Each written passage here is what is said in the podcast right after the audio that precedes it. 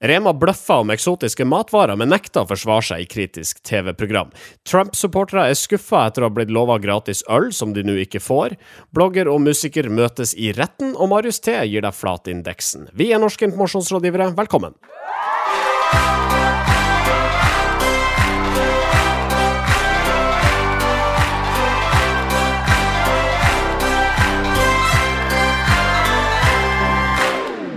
Mitt navn er Marius Staulen. Denne sendinga presenteres av medieovervåknings- og analyseselskapet Retriever. Jeg har med meg Marius T og Sindre H. Førstemann til prat. Hei på deg, jeg heter Marius T. Jeg er veldig glad for å være til stede her i dag sammen med dere, kjære venner og kolleger. Ja. Ja, jeg hadde ikke så mye å by på. Jeg gikk litt hardt ut, føler jeg. Ja, det- Eh, Jeg var så gira på å være først. Glemte om du hadde noe å si. Halla, vil jeg si. Ja, ok. Uh, tribute til Raymond, som altså har eh, forlatt oss eh, i tida vi har eh, hatt pause på lufta. Det er det, vet du. Han døde her nå, altfor ung. Han hadde jo mange gode år som halla eh, ambassadør foran seg. Fortsatt. Jeg husker jo Raymond, jeg husker jeg var på Cats, som var da revyscenen på Rollsøy i Fredrikstad Ja. da jeg vokste opp. Der var Raymond. Men det rare med han da, som komiker, syns jeg, det er at Raymond er ikke kjent for noe annet enn et veldig sånn overraska fjes og en sånn eh, veldig rar caps. Og det å si 'halla', det er på en måte alt. Hva, hva heter han skuespilleren bak det? Raymond Johannessen. Altså, så heter Oi, det sånn. jøss. Raymond King Kong Johannessen. King Kong som eh, Jeg aner ikke hvorfor han heter King Kong. Jeg tror det er fordi Jeg aner ikke. Men eh, altså, på lokalnivå var han kjent for mer enn Raymond-karakteren der? Fredrikstad hadde jo en eh, ekstremt vital, hvis det går an å si, eh, revyscene på, på 80- og 90-tallet. På- Det var på Cats? hver eh, Ja, det var også på Cats og på Pizzanini og flere steder eh, rundt. Så det var liksom en sommerrevy. Tre cal var, eh, var liksom igjen. Tre cal her og der. Tre cal På Pizzanini. På Pizzanini og så Ja. videre. Eh, Det var det da Raymond. Og så var det Pål Nilsen, og så var det en fyr til som jeg aldri husker navnet på. Jo, det var, jeg tror det var Vivi Haug, en sånn dame som også Så revy var jo dritstort. Uh, Og videre i denne episoden, spesialepisoden om Østfolds revytradisjon, så skal dere høre om Knut Kølla Johansen og Vivi Kattedama Rollsøy. Eh, Det kan vi ta som en spesialepisode Ja, senere. Det får bli senere. Uh, det gikk Altså, vi deltok jo i en, uh, en konkurranse, NM i podkast, og, og mobiliserte lyttere og venner i den grad vi kunne, men vi nådde altså ikke helt til topps. Nei, vi kunne ikke slå Schibsted-gigantene, Aftenpodden og BTs eh, 39 vestlandske vestlendinger eller noe sånt. Ja. Vi klarte ikke det. Det var Men det er urettferdig, egentlig. Men vi slo nesten David Skaufjord forklarer alt. Ja. Uh, og det er jo ikke verst, for det er ganske bra podkast. Det er faktisk en av mine favoritter. Uh, men vi slo Ulrikke Falk. Vi slo Ulrikke Falk, vi slo Harm og Hegseth, Uh, både hver for seg og som duo. Ja.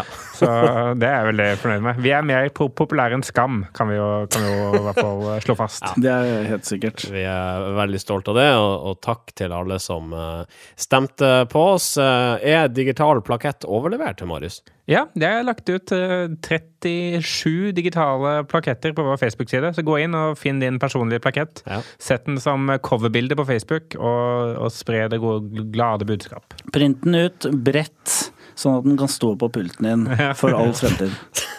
Nei, jeg kan jo ta litt eh, innledningsvis eh, fordi Siden sist, eh, nå er jo to uker siden jeg har spilt inn sist, men Obama har jo vært i Norge, og Norge har jo gått av hengslene, eh, føler jeg, mer eller mindre. Det var, eh, han, var, han deltok på en eller annen eh, konferanse, Oslo Business Forum, Forum, for å snakke om technology og sustainability og sånn. Eh, og jeg har aldri sett så mange kjendiser på Instagram som er opptatt av sustainability og technology, eh, som når Obama var i Norge, eller da Obama var i Norge. Eh, jeg så Cecilia Brekkhus, kvinnelig bokser, first lady. Hun er ekstremt opptatt av technology og sustainability, og hun elska å se Obama. Jeg syns det var litt i overkant mye entusiasme for Obama, rett og slett, og for lite fokus på hva han faktisk sa, som var ingenting. Altså, han uttaler jo Han, han snakker jo flott. Altså, det er fløyelsmykt og fint å høre på. Eh, Så jeg antar at alle sovna, jeg, rett og slett i salen. For ingen har fortalt meg hva han sa. Og jeg prøvde liksom å finne ut av så Jeg sto på butikken så tenkte jeg ok, der er det en liten sak om, om Obama i Dagbladet. Flørtet vilt, sto det. Det var det. Uh, ok, ja. Ja, for han, han, han elsker Norge. Kulturradikale Dagblad eh, kunne informere meg om det, altså. Og det var ingen, altså, ikke noe substans da har kommet ut etter det. Altså, Hadde du forventa det? Eh, jeg hadde venta at noen kunne fortelle meg eh, bruddstykker. eh, I hvert fall et ord, ikke sant. Sustainability. Men det hørte jeg i forkant, så det hørte jeg ikke i Ja. etterkant. Og så så jeg veldig mange folk jeg kjenner godt og litt mindre godt, som tok bilde av seg selv med en pappfigurutgave av Obama. Ja. Jeg så også folk som tok, bilder, som tok selfie av seg selv foran scenen mens Obama var på scenen og snakka. Så de hørte ty- tydeligvis ikke på det han sa, de heller. Er du, men er du klar over hvor dyrt det var for en meet and greet? Det er jo ikke rart at folk tyr til pappfigurer og utidig oppførsel eh, under eh, foredraget. Ja, det var rykta det kosta 30 000 for en foto opp. Eh, som jo flere Både Stian Blipp og Helene Olafsen hadde benytta anledningen. Eh, What can I say? I needed the money. Det er dyrt. det er Dyre vaner. han, expensive. Obama. Men han er jo han er, Jeg synes jo han er, Det er veldig gøy å høre han sette sammen ord til setninger. Det er han veldig flink til. Men det, men det er jo ja. Ja, men han er, han er dritflink på det. Men det spiller ikke rolle hva han sier. For det er bare, det er bare fascinerende å høre på Men han altså, gjør det. ta, ta han av prompteren, så ser du at han kan bruke er, altså, Av og til kan han bruke fascinerende lang tid. I am a person. And what? I know. It's not- litt Substantial from what you know. Or is it? Jeg er jo vokst opp med en, eh, med en bestefar som hadde demens, og han snakka også akkurat på samme måte. Uh, Han lurte på hvor han var mellom hvert ord. Uh, I am Nei, han snakka ikke engelsk. Men, eh, Nei, da blander du ting her. I'm a boy. Ja. Nei, men uh, jeg, jeg, jeg tror det var veldig mange som var på, på Oslo Business Forum som ikke kommer til å komme tilbake til Oslo Business Forum med mindre Donald Trump kommer eller noe sånt. Da. Så det er nivået de må legge seg på. Ja, ja, ikke sant. Vi får se til neste år. Det blir spennende. Ja. Nå skal vi eh, sparke i gang denne episoden av NIR. Norske informasjonsrådgivere.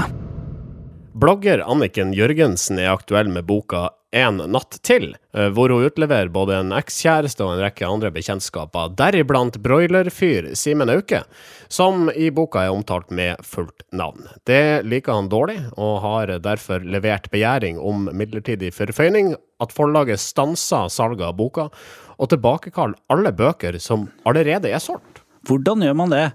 Eh, tilbakekalle alle bøker som er solgt. Eh, det tror jeg ikke er mulig å gjøre, men jeg, jeg skjønner at han mener alvor. Han liker ikke å bli omtalt uh, i en bok som blir, får en tilnærmet slakt i VG også, uh, terningkast to.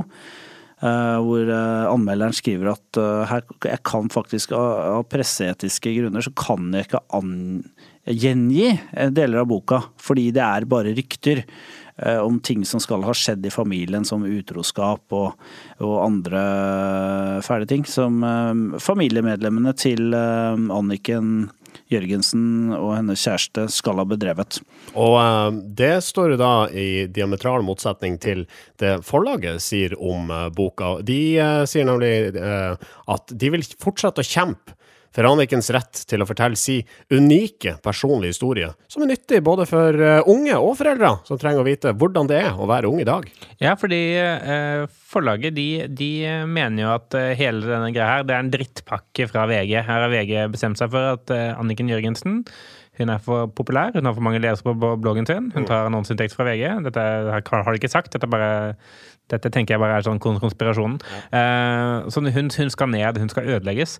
Eh, og, og de mener det at eh, det er urettferdig at Anniken Jørgensen blir behandlet på denne måten. Når f.eks. Knausgård eh, utleverer familien sin i, i høy grad, eh, men ikke blir bedt om å Eller ikke, ikke blir saksøkt, da, og ikke blir anmodet av VG-anmelder til å få folk til å saksøke seg. Ja, riktig. For, forskjellen, Nå har jeg ikke lest boka hennes, men forskjell på det Knausgård gjør og eksempel, eh, eksempel Ingvar Ambjørnsen også har gjort, det er jo For det, begge har jo Det er veldig mange forfattere som, som skriver om ting de har opplevd. Men de skriver om ting de syns er viktig å formidle, og som kan ha en eller annen funksjon. da. Eh, Knausgård skrev jo om en far som, eh, som han hadde et veldig problematisk eh, forhold til, og som prega hvordan han også ble selv. Eh, og det ble jo diskutert ganske heftig, men, men, men det, det er noe med at liksom Når man skriver om sladder, eller skriver om mulig utroskap i familien, så, så, så er ikke det Så er det liksom mer sånn Det er se og hør i, uh, i bokform, da. Eh, og det er ikke, det er ikke litteratur. Jeg, jeg, jeg tenker jo at, at dette er det, det kan fort være at uh, Simen Auke er oppriktig forbanna på henne. Uh, det kan Jeg, jeg er også såpass liksom åpna øynene mine såpass mye for hvordan denne verden vi lever i er, at jeg tror også dette kan være bare PR eh, Eller sånn publisitetsgame, da, hvor eh, dette er planlagt på en eller annen måte. For det er jo klart at det kommer jo de fleste til gode. Altså sånn, Selv om man eh, saksøker noe, så treng, trenger man jo ikke å fullføre det søksmålet. Eh, man får jo masse omtale. Både Broiler, da, som sikkert kommer med noe ny musikk snart, eller kanskje Simen Auke kommer med en sånn motbok, sånn som eh, søstera til Vigdis Hjort eh, gjorde. Ja. Eh, eller eh, kanskje Anniken Jørgensen hiver seg ut og skriver enda en bok om mottagelsen av denne boka. Sånn, for for pusha ut bøker, ikke sant. Eh, og de klarer å holde denne saken her varm. Mm. og det gjør det at eh, plutselig nå så har jeg lest fire saker om boka til Anniken Jørgensen istedenfor sånn én en anmeldelsesslakt. Men vi har ikke lest boka nå. Altså. Nei, men det er like før vi gjør det. Det er like før jeg går ned på ark og, og kjøper den for det er 499, eller hva det koster for noe. Jeg sjekka prisen i stad, for jeg vurderte veldig sterkt. Nei da, gjør ikke det. Men eh, det, er, det er jo faktisk litt eh, interessant tanke, det der. Altså, og, og, og det som forlaget gjør, de går liksom i strupen på VG og sier at dette er en drittpakke, og de, de kommer med sånne rare beskyldninger om at uh, anmelderen egentlig er debattredaktør. Så hun er da sikkert opptatt av konflikt. Ja. Eh, og, og det er noe med liksom Hæ? Ja, at jeg er det, det har sikkert med ressurser å gjøre, vil jeg tro. At hun anmelder bøker i helgene, sier hun. Og så er hun redaktør på hverdagene. Men uh, eh, så hørte jeg på Dagsnytt 18. Da ble det mye mellomprat. Jeg, jeg satt og tenkte på Hvorfor er det vi egentlig sitter og diskuterer dette her hos oss her i Norske informasjonsrådgivere? Men altså, vi skal inn i et sånn konspiratorisk spor her, rett og slett. Ja, Dette her er planlagt. Vi skal det, for du ser liksom hvordan Eller det, det kan føles litt sånn fordi at forlaget overreagerer så kraftig. Mm. At det virker som de ønsker denne konfrontasjonen, de ønsker denne konflikten. Og at jo lenger eh, ikke sant, Hvis den holder på lenge, så vil aktualiteten til boka fortsette å eksistere. Og en blogger som skriver en bok eh, som eh, egentlig bare er dårlig, og ikke skaper noe oppsikt, det selger jo ikke ja. Nei, det, men, men apropos overreaksjon, så er det jo over, det er overreaksjon fra alle parter. da. VG som begynner med å anmelde denne boka, gir den en toer og kaller det en skandale. At en eh, semikjent norsk blogger eh, skriver en bok som bl.a. omhandler familien hennes, som ingen vet om er, og en eh, halvdel av noe som er broiler. Som ingen visste Som alle har glemt nå. Som ja, for, ingen, kunne i hvert fall navnet på de som var i broiler, da. I hvert fall ikke jeg. Eh, og nå kan jeg det. Eh, så, så Først så begynner VG med å overreagere, og så følger bare forlaget opp den ballen. Og så kan til og med så kan eh, Anniken Jørgensen eh, skrive den på bloggen sin om hvordan dette oppleves for henne. Og så kan eh, Simen Auke få lov å snakke om hvordan han opplever det. Og så blir det en oppfølgingssak når de da kommer til et forlik og bestemmer seg for å gi ut en sang sammen hvor Anniken Jørgensen synger på nye låta til Broiler for å forsone eh, sviket som er blitt begått. Og så kommer Mats Hansen inn i det på en eller annen måte til slutt. Eh, det, er, det er dette som kommer til å skje. Det har jeg hørt det først i, i NIR. Mer er det ikke å si om den Nei, saken. Vi har oppsummert Vi har egentlig Vi har jo egentlig oppsummert hva som kommer til å skje Ja. de neste månedene. Det er ikke noe mer å prate om, Det er egentlig. ikke det, Jeg vet bare sier er på VG+. og Jeg begynner å lese en annen avis. Norske informasjonsrådgivere. Så skal vi til eh, risens vidunderlige verden. Rema 1000 selger basmati-ris i kartonger, hvor 26% av innholdet er en annen ris. Det kunne programmet Matkontrollen på TV 2 nylig avsløre. Rema valgte ikke å stille opp til intervju i saken, og de ønska ikke å svare på spørsmål, ifølge programleder Solveig Barstad, som har skrevet om saken hos Kampanje. Og der har også Gambit-rådgiver Pål Espen Hamre et innlegg. Han jobber ikke for Rema, men sier at han fraråder kundene sine å stille opp i underholdningsprogrammer hvor redaksjonen på forhånd bestemmer seg for både vinkling og utfall. Ja, uh, dette syns jeg var litt sånn interessant Dette er jo faktisk PR-faglig relevant Uh, til uh, litt tilbake til der vi skulle begynne når vi begynte denne Dette, altså dette, disse sakene var ambisjonen da vi starta NIR i 2012. Ja, absolutt. Og nå får vi det servert på sølvfat. Her, her er det jo egentlig Matkontrollen som har eh, prøvd å få kontakt med Rema 1000 på alle mulige måter.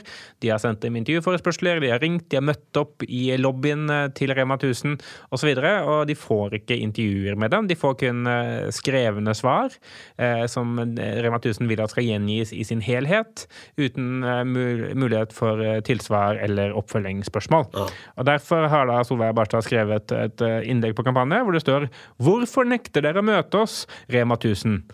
Og Der eh, skriver hun og beskriver dette og syns det er eh, dårlig at, eh, at de ikke stiller opp. Og de mener også at det er Rema 1000 sin interesse å stille opp. Men det er jo da eh, Hambre i Gambit veldig uenig i, og han sier at det er ingenting å tjene på å stille opp. Fordi her er det noen som har bestemt seg, og dette er ikke journalistikk, dette er underholdning. Og noen skal være bad guyen, på en måte. Og det er vel, altså hvis jeg husker tilbake til TV 2 hjelper deg uh, Nå har ikke jeg sett matkontrollen, men, men jeg vil tro at altså, det er smidd over uh, samme lest, skodd over samme lest.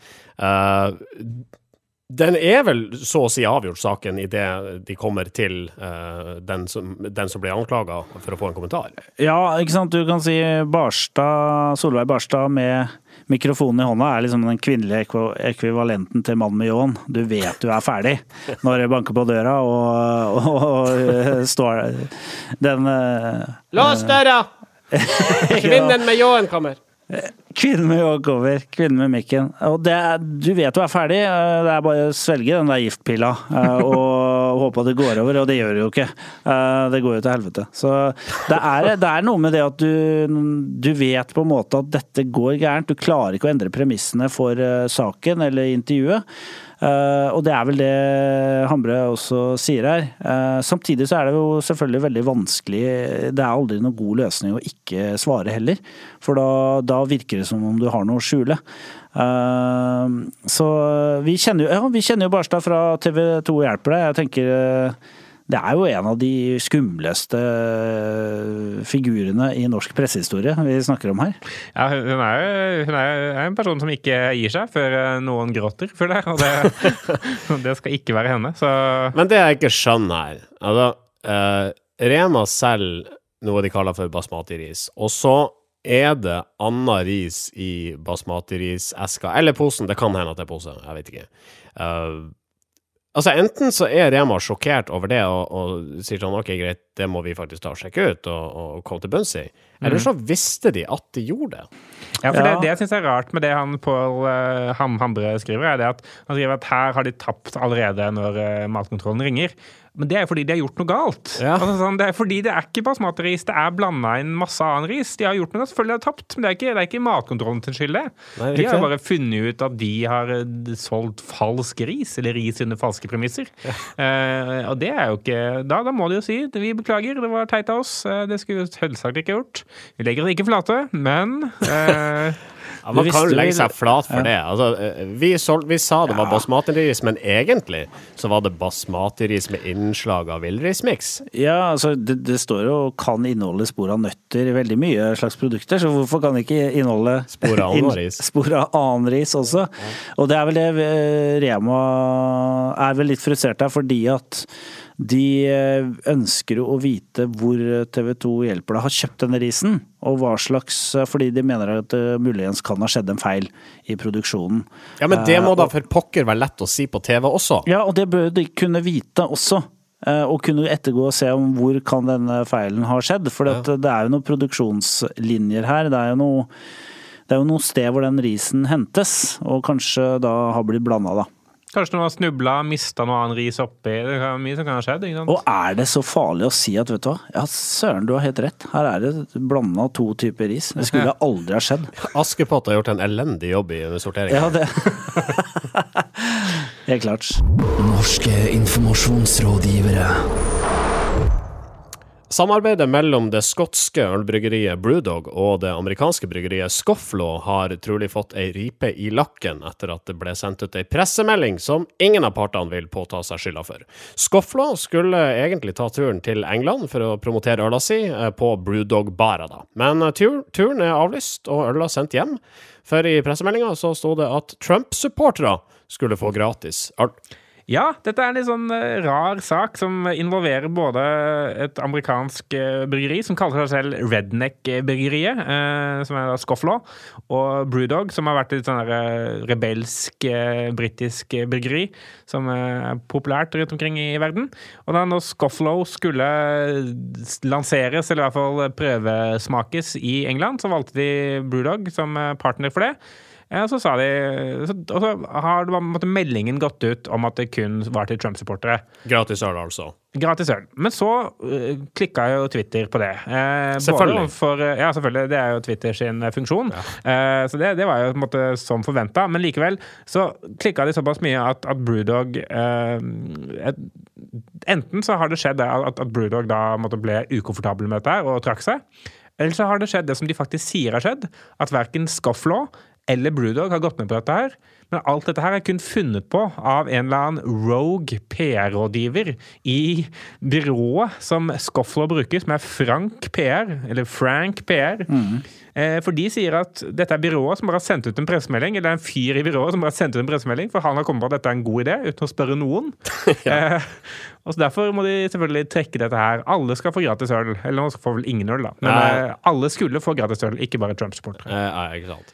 Eh, og uh, saken er uh, Altså, jeg, jeg tror saken blåser opp i Twitter fordi han fyren, han ene duden i, i Brewdog, han har tidligere uttrykt ikke akkurat støtte til Donald Trump. De har vel like til laga en egen øl som protesterer hans utmelding av denne Parisavtalen. Ja, og de, de assosierer jo Trump med hate, og hate er ikke bra. De, de promoterer love. eh, Og vil, vil ikke ha noe med Trump å gjøre. Eh, Det er jo spesielt at én en enkelt medarbeider, PR-medarbeider kan sende ut en pressemelding. Jeg vil jo tro dette er en medarbeider, eh, hvis det stemmer, som allerede er sagt opp og skal lage mest mulig faenskap før han slutter, tenker jeg. Jeg syns det er et sånn morsomt stunt på en måte. Å si sånn det er kun eh, Trump-supportere som får ølen. For det, det er jo sånn oppmerksomhetsmessig, og hvis du måtte vil bygge inn Apropos det som Nike gjorde, da. Hvis du vil bygge, inn en verdi inn i merkevaren som tiltrekker noen og frastøter andre, men som da gjør at noen begynner å elske deg og noen begynner å hate, hate deg, så er dette en smart måte å gjøre det på når du skal inn i et nytt marked, som f.eks. det britiske, hvor det er mange da som er positive til eh, mye av de tankene som Trump også har. Ja, og så er ikke motstanderne kanskje like drøy der som i USA. I mangel på et bedre ord. Altså, De er ikke like dedikert til saken. Nei, det er ikke, det er ikke sikkert, sikkert at uh, de tenker bare på det. Alt jeg på å si, at de- har uh, egne liv i tillegg. Eh, og, og sånn sett så, så, så kunne det kanskje fungert. Eh, og det hadde jo vært gøy å prøve. Jeg hadde jo gått med en sånn hatt for å få en øl. Det, men, jeg, men jeg hadde jo ikke nødvendigvis endra verdisystemet mitt av den grunn. Altså, vet du med sikkerhet at ikke den capsen faktisk endra verdisystemet til folk? Nei, det, det, altså, det ser jo Jeg har aldri sett en person med sånn caps selv. Jeg har sett de som jeg føler har begynt med det uironisk, nei, ironisk, har endt opp med å være uironiske til slutt. Uh, så det virker som den har noe magi uh, over seg. Det er litt morsomt. Vet dere, vet dere at scofflaw er et, uh, faktisk et, et ord? Det er ikke bare et navn som er funnet på. Det er en eh, ordbokdefinisjon på scofflaw, og det er a person who floats the law. Especially by failing to comply with the law that is difficult to enforce effectively. Så når vi eh, drikker øl i parken i Oslo, så er vi scofflaws. Det er nesten like ille som å være outlaw. Altså, outlaw Ja. er liksom Ja. øverst på den kriminelle statushierarkiet, og så kommer scofflaw like bak. Og, og i, eh, kan du si, i Europa så er det vel det å være Trump-supporter er jo å være en slags scofflaw, da. Det er du som utrydda den begalske tigeren, altså. Brukte du alle kommunens penger på PR-byrå? Flyttet du makt i favør av andre enn dine oppdragsgivere? Sendte du hatmail til innvandrere mens du satt i regjering? i regjering? Dette skal ikke skje i forhold til det, så legger jeg meg flat. Det var ikke meningen at du skulle finne ut det, jeg legger meg flat. Nå ble det veldig mye negativ presse. Jeg legger meg flat. Jeg tar dette til etterretning og legger meg paddeflat. Jeg legger meg flat. Flatindeksen. Vi er i oktober allerede, ja. Nå er det snart uh, jul. Men før vi kommer så langt, så skal vi se tilbake i september. Marius, det er klart for flatindeksen igjen. Ja, stemmer. Jeg har rodd ut på flathetens hav, kasta ut eh, fisketråleren og senka inn, eh, hanka inn flatlegginger eh, gjennom å bruke medie- Kasta ut fisketråleren, du. Ja, ja. Jeg kan ikke så mye fiskemetaforer. Men jeg, jeg, Voldsomt er det i hvert fall. Er voldsomt. Jeg har gjort et søk i, i Retriever da, etter, etter virksomheter og personer som har lagt seg flate i måneden som har gått. Eh, og, og har funnet eh, noen da, her og der. Eh, I tillegg så har jeg funnet ut at det er 25 eh, unike flatlegginger eh, for oktober. Det er OK, føler jeg. Det har vært verre, har vært bedre. Ja. Eh, men eh, det er ikke opp på 40-tallet. Det er jo det er veldig tryggende for, for min del. Ikke sant. Og eh, før vi går til uh, rangeringa her fra en tredjeplass og opp, så kan vi si at flatlegging er altså et grep man bruker når man ønsker å bli ferdig med en sak hvis man har gjort et eller annet galt. Da legger man seg flat, og så er den mediesaken over, egentlig. Ja, nettopp. Så i, i, i denne måneden tar jeg både Jeg har sånn to flatlegginger, men også en som har nekta å legge seg flat. Ah, eh, som jeg syns er litt fiffig. OK, kjør i gang. Yes. eh, Første, første person er en person som har lagt seg flat. Dette er Jon Skåland. Han er en 62 år gammel bonde bosatt utenfor Bergen. Eh, han er fra Vikestå i Bjerkreim kommune, for de som er veldig interessert. Ja. Eh, Han har lagt seg flat fordi han skulle hjelpe datteren sin å flytte. Hun skulle flytte fra Bergen til Stavanger. Eh, Og etter at hun hadde flytta ut, så sto det en masse rot i leiligheten hennes. Mye sånn møbler og sånn som hun ikke visste hva hun skulle gjøre. Så han tenkte han skulle ordne opp i det. Tok med seg alle de møblene og tinga. Og Så kjørte han ned på, på torget i Bergen, eh, ved den blå steinen. Og der er det noe som heter eh, Bossnettet i Bergen. Som er, slags sånn der, eh, som er sånne dunker du kan kaste søppel i. da.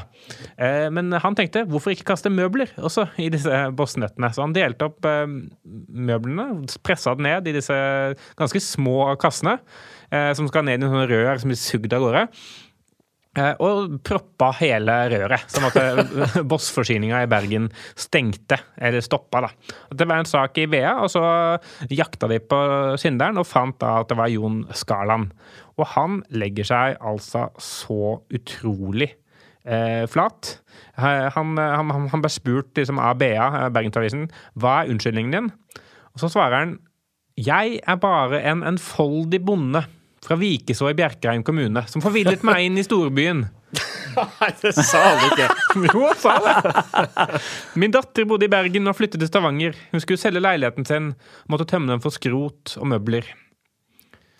Eh, Det var en del skrot som var i varebilen. Jeg var null kjent i denne byen, så jeg visste ikke hva jeg skulle gjøre. Da var gode råd dyre. Jeg så eh, kassene fra BIR og stappet det nedi. Jeg tenkte er dette feil? Men det gikk jo greit. Sett i etterpåklokskapens etterpåklokskapens lys ser jeg at dette var feil, og jeg legger meg helt flat. Jeg synes bare det der flathet gjennom å være en enfoldig bonde fra Bjerkreim, det, det syns jeg er en fiffig måte å legge seg flat på. Ja, ikke sant. Men jeg skjønner ikke. Altså, han, han- han delte opp møblene Ja, for det, det, dette er jo sånne etter at han forvilla seg inn i byen. Ja. Han tok med seg møblene, kjørte rundt på leting etter et sted å kaste det.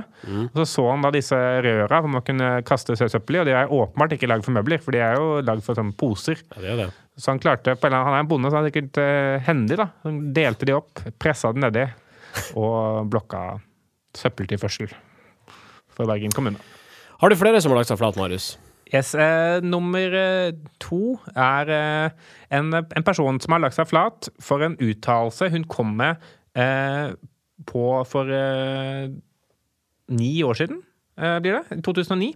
Ja. Og det er en ganske kjent uttalelse. Det er fra Kate Moss.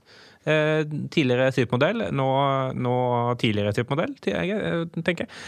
Hun er nå 44 år, og i 2009 så sa hun det er ingenting som smaker så godt som tynn føles. Eh, 'Nothing that tastes so good as skinny feels'. Uh, og dette er en uh, uttalelse som hun ble veldig sånn kjent for den gangen, men som i etterkant hun har fått veldig mye kritikk for. Og hun har fått kritikk for dette her nå i økende grad gjennom ni år. For det- herregud. fordi man mener at dette gir et uheldig kroppsbilde osv., og, så videre, og man må spise man får se ut som man vil osv. Og, så og nå har hun knokket under for, for presset. Og hun, eh, hun eh, kunne fortelle det i BBC i et intervju eh, hvor, eh, hvor hun ble intervjuet, da, eh, naturlig nok, eh, at eh, nå har hun skjønt at eh, mangfold er, er viktig.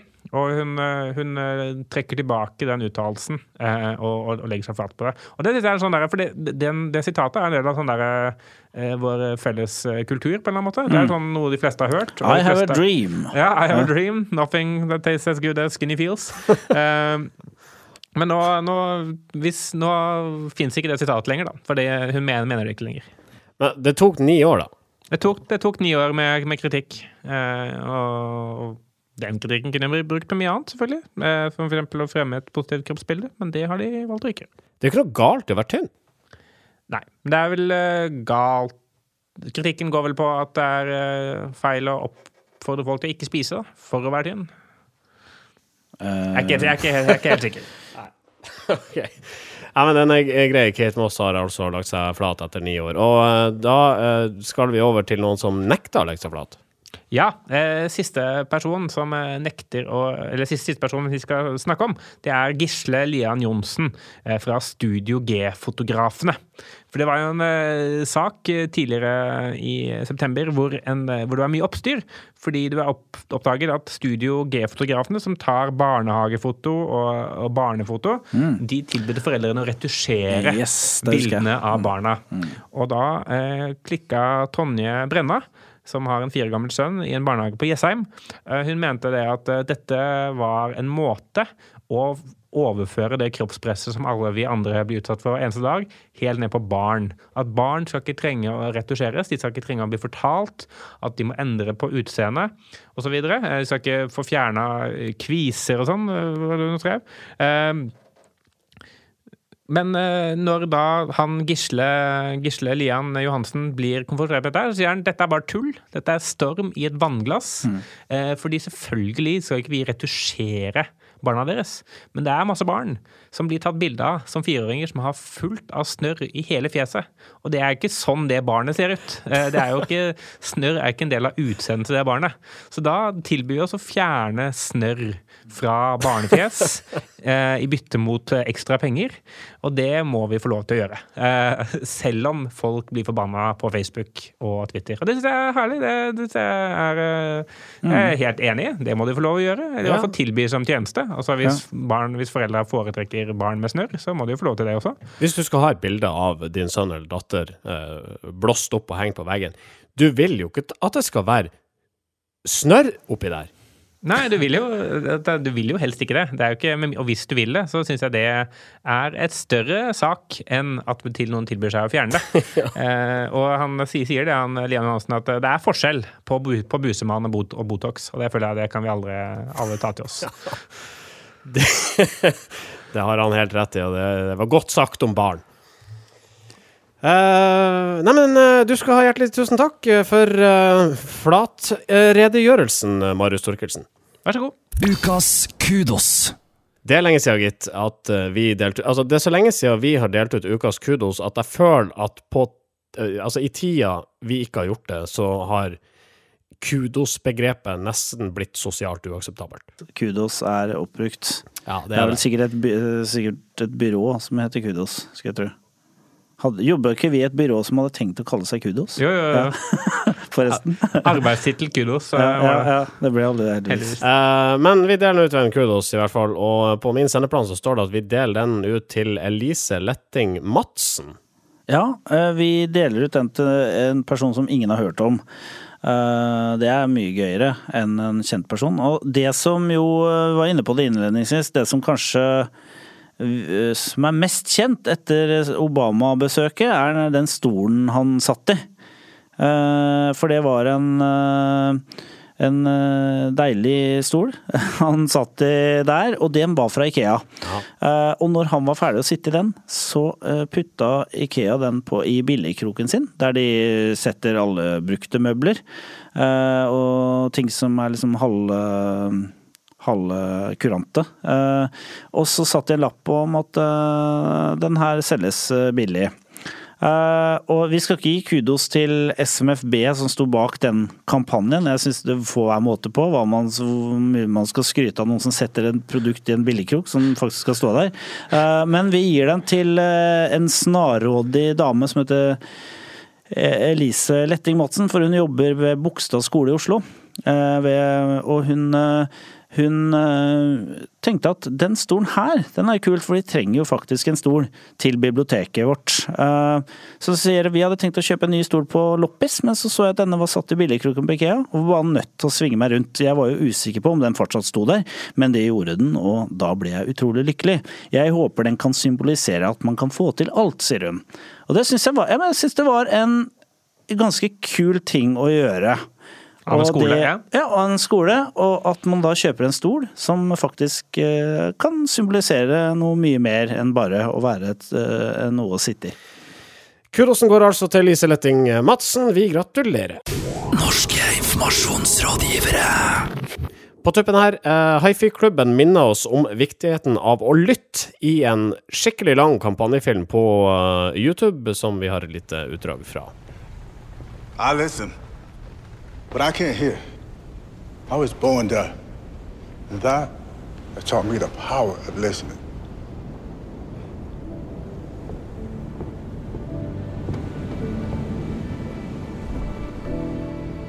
I would never hear my daughter's voice, nor hear her laughter. But I've never missed a second of her lips moving when she talks.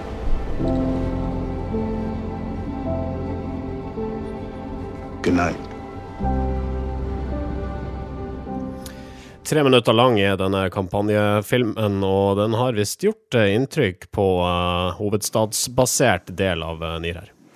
Det må jeg si. Det, var en, det er en fin snutt som handler om uh, viktigheten av å lytte, og at vi mennesker kanskje har uh, slutta å gjøre det. Faktisk så viser jo uh, Facebook-tall at eh, 85% av oss ikke hører når, når vi ser på videoer eh, på Facebook. Det er ikke så overraskende, men han drar den ganske langt. da, Og sier at vi har slutta å høre på folk som er uenige med oss. Eh, og vi har slutta å lytte til kroppens signaler. Og det som slo meg, var Og, og etter hvert så skjønner vi at denne eh, skuespilleren som snakker i videoen, han er døv, faktisk. Eh, Men han kan allikevel lytte, og det slo meg at det er forskjell på å lytte og høre. For han snakker om det her med mm, det å, det å lytte til musikk, da, som man kan gjøre også når man er døv, egentlig. For man kan merke, kjenne eh, rytmen og, og musikken i kroppen allikevel. Så jeg syns det var en fin eh, ja, en fin påminnelse. Ja, jeg synes det var en fin liksom, Jeg likte påminnelsen. Sånn, og så er det, sånn, det er så skuffende når det ender med så kjøp en høyttaler hos Hifi! sånn, ja, ok. Likte du denne reklamefilmen? Hva med denne flotte Bluetooth-høyttaleren? Hifi-klubben! Ja. God lyd er viktig. Uh, NIR spilles inn i studioene til Moderne Media, en av de største produksjonsselskapene innen podkasting her til lands. Du finner dem på modernemedia.no. Oss finner du på facebook.com slash nearcast, og vi er også på soundcloud.com slash nearcast. Og hvis du har lyst til å sende oss e-post, det er det nesten aldri noen som eh, har lyst til, men du kan gjøre det. Nearcast at yahoo.com. Jeg, jeg kan bare helt på tupp-tuppen også bare si eh, gratulerer med ny jobb til Christian Kamhaug. Eh, tidligere en gjesteprogramleder i NIR. Han har fått eh, jobb i Elkjøp. Og jeg så kampanje omtaler han som moteblogger. Og det føler jeg er hersketeknikk de luxe fra kampanje.com. Selv om han jo gjør det også, men det er vel ikke derfor han har fått jobb i Elkjøp. Det er ikke derfor jeg, han har fått jobb. Grunnen til at han har fått jobb, er at han er veldig glad i fly. Ja, jeg begynner å fly på den. Ok, eh, vi setter en strek for nå. Er tilbake igjen om ei uke. Frem til da. Ha det bra! Norske informasjonsrådgivere.